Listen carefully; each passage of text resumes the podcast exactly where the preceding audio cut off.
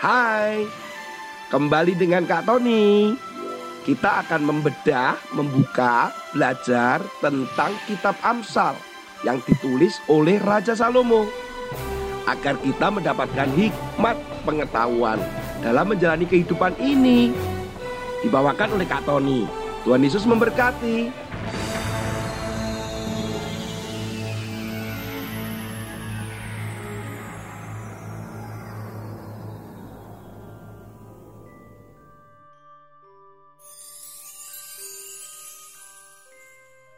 Kalian pernah tahu kelinci raksasa? Apakah kalian pernah mendengar kelinci yang besar sekali? Ternyata ada seekor kelinci yang memenangkan atau masuk di dalam rekor dunia. Kelinci itu bernama Darius yang dimiliki oleh Annette Edward. Pada tahun 2010, kelinci ini atau kelinci Darius ini memenangkan atau mencatatkan dirinya sebagai kelinci terberat di dunia, terbesar juga di dunia. Nah, Tony sih pernah memelihara kelinci juga, tapi nggak seberat Darius lah karena beratnya itu sampai 22,2 kilo. Dan tingginya atau panjangnya itu maksudnya itu bisa sampai 1,3 meter. Wah bayangkan ya, wah. Sedangkan Darius itu sendiri harus diberi makan yang sehat tentunya supaya tetap besar. Darius ini untuk makannya itu memerlukan biaya kurang lebih 5000 pound sterling setiap tahunnya. Dan semuanya itu digunakan untuk membeli kurang lebih 2000 wortel, 700 apel, dan makanan-makanan yang lain yang khusus untuk kelinci.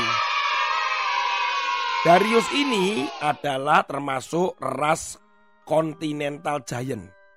Memang untuk ras Continental Giant ini biasanya kelincinya besar-besar sekali anak-anak. Jadi kuat eh gitu kan. Nah tapi ada sesuatu yang terjadi. Darius ini dikabarkan tiba-tiba Darius menghilang. Dan diperkirakan Darius ini dicuri. Dicuri oleh orang yang tidak bertanggung jawab anak-anak. Dan Darius akhirnya hilang dari pemiliknya si Pak Edward itu. Kemudian sampai kebingungan lah pemiliknya karena takut Darius dibunuh, takut Darius gak bisa makan. Jadi sedihlah si Pak Edward ini. Kok tepuk tangan sih? Kan sedih, sedihnya yang seperti ini. Sedihlah Pak Edward. Nah, oleh karena itu Darius diusahakan untuk dicari. Pokoknya harus ketemu. Pencurinya siapa ini?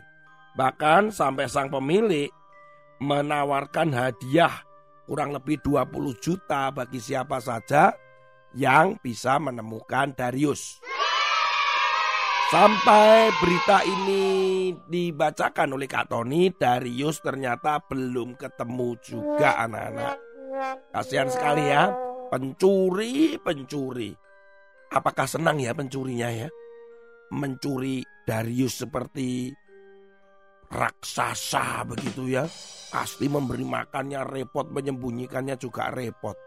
Nah, anak-anak berbicara masalah pencurian atau mencuri barang curian, itu Kak Tony mau bacakan firman Tuhan pada hari ini, yaitu ada di dalam kitab Amsal pasal yang ke-9 ayat yang ke-17 dan 18.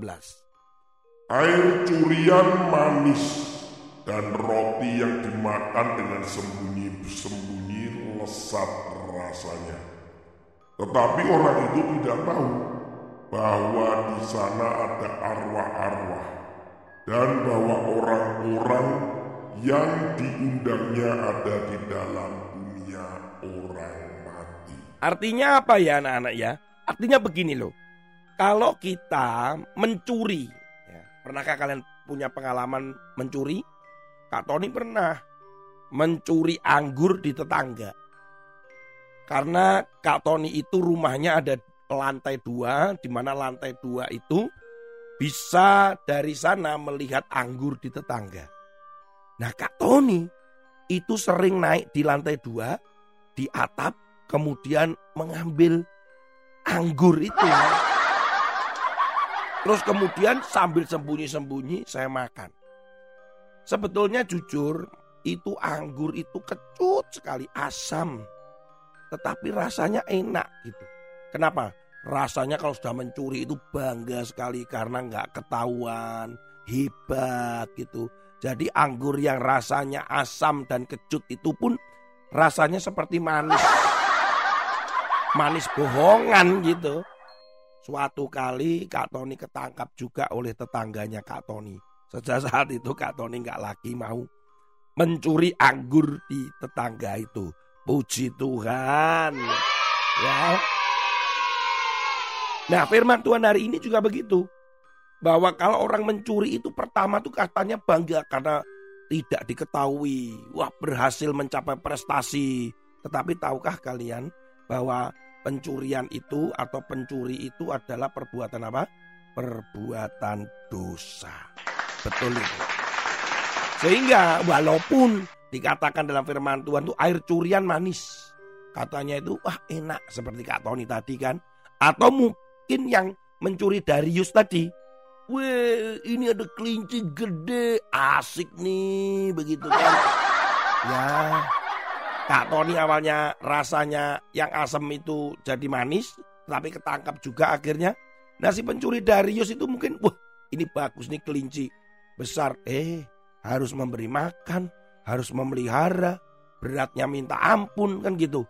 Itu sebetulnya malah menjadi masalah. Nah firman Tuhan pada Amsal tadi dikatakan bahwa kalau kita sebagai pencuri, kalau kita mencuri dengan sembunyi-sembunyi, walaupun tampaknya itu adalah manis, tampaknya itu lesat rasanya, itu semuanya bohong.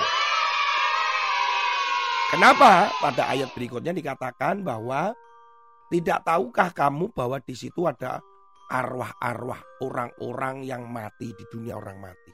Artinya apa? Ada kuasa gelap. Orang yang mencuri itu sebetulnya sedang masuk di dalam rencana dan perbuatan jahat. Sementara iblis sendiri dikatakan bahwa iblis adalah bapak pendusta. Dia itu juga sebagai pencuri. Dikatakan di dalam Yohanes pasal yang ke-10 ayat yang ke-10 dikatakan demikian. Pencuri datang hanya untuk mencuri dan membunuh dan membinasakan. Siapa pencuri itu? Pencuri itu adalah iblis.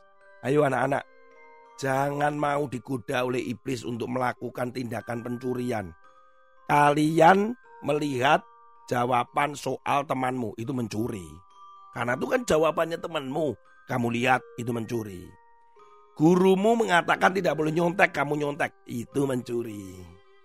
Kamu mengambil sesuatu tidak izin, itu namanya mencuri. Jadi Ayo kita belajar untuk tidak mencuri karena akibat dari pencurian itu itu jahat sekali. Mari kita bertobat dan jangan mencuri. Apalagi yang lain yaitu mencuri kelinci. Mencuri Darius nah, itu masalah ya. Tuhan Yesus memberkati sampai ketemu lagi dengan Kak Tony dengan episode yang lain. Tuhan Yesus selalu manis.